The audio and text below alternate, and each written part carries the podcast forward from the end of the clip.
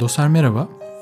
Kayıtlara geçmesi adına bugün 29 Nisan 2022 günlerden Cuma ve an itibariyle saat 01.29 yani bu video kaydını çalışma odamda yeni günün ilk saatlerinde alıyorum.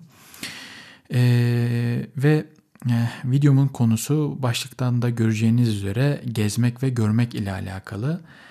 Ee, bugün e, Rotası Seyyah'ın birkaç videosunu izledim. Rotası Seyyah'ı eğer bilmiyorsanız kendisi bir gezgin.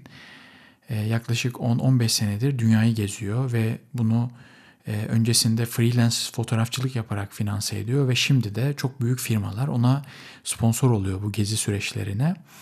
Onun bir videosunu izledim ve o videosunda bir şeyden yakındı. O yakındığı şey benim de çok yakındığım bir şey.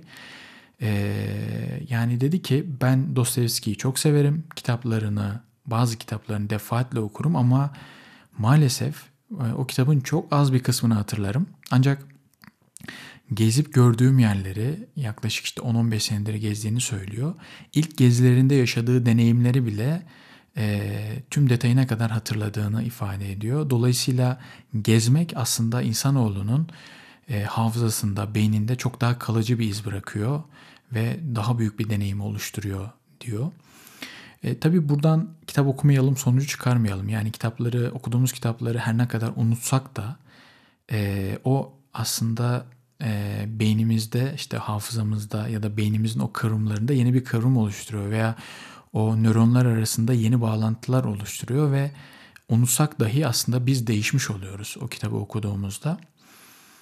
Ee, yaşadığı durumu ben de fazlasıyla yaşıyorum. Hatta yakın bir zamanda e, şöyle bir e, olay yaşadım. İşte Arthur, Arthur Schopenhauer'ın Mutlu Olma Sanatı kitabını e, çok önce alıp okumuştum. Çok ince bir kitaptır ve kütüphanemin e, derinliklerinde bir yerde duruyordu. Tabii ince bir kitap olduğu için de sırtlığından çok görmek çok mümkün değil. Yani çok fark edilebilir bir kitap değil.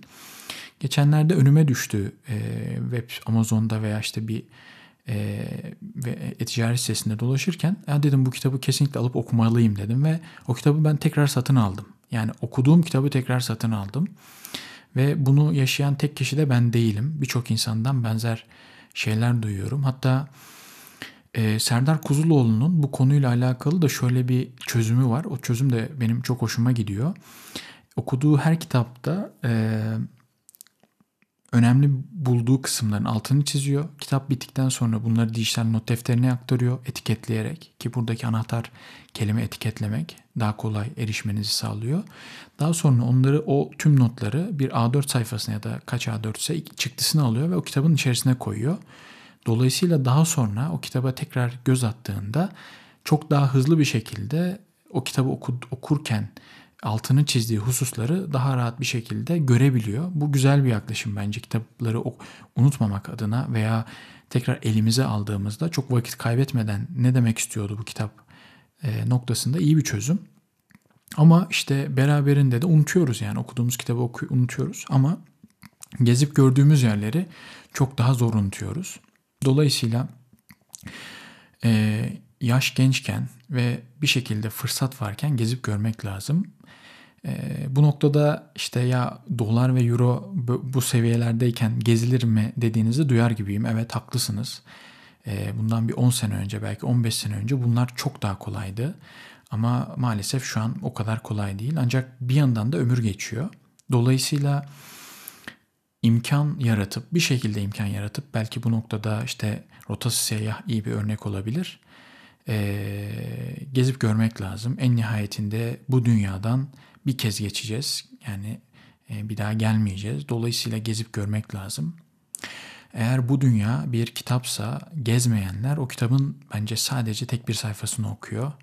Biz tüm sayfalarını okuyanlardan olalım diyerek bu kayda burada son veriyorum. Görüşmek dileğiyle.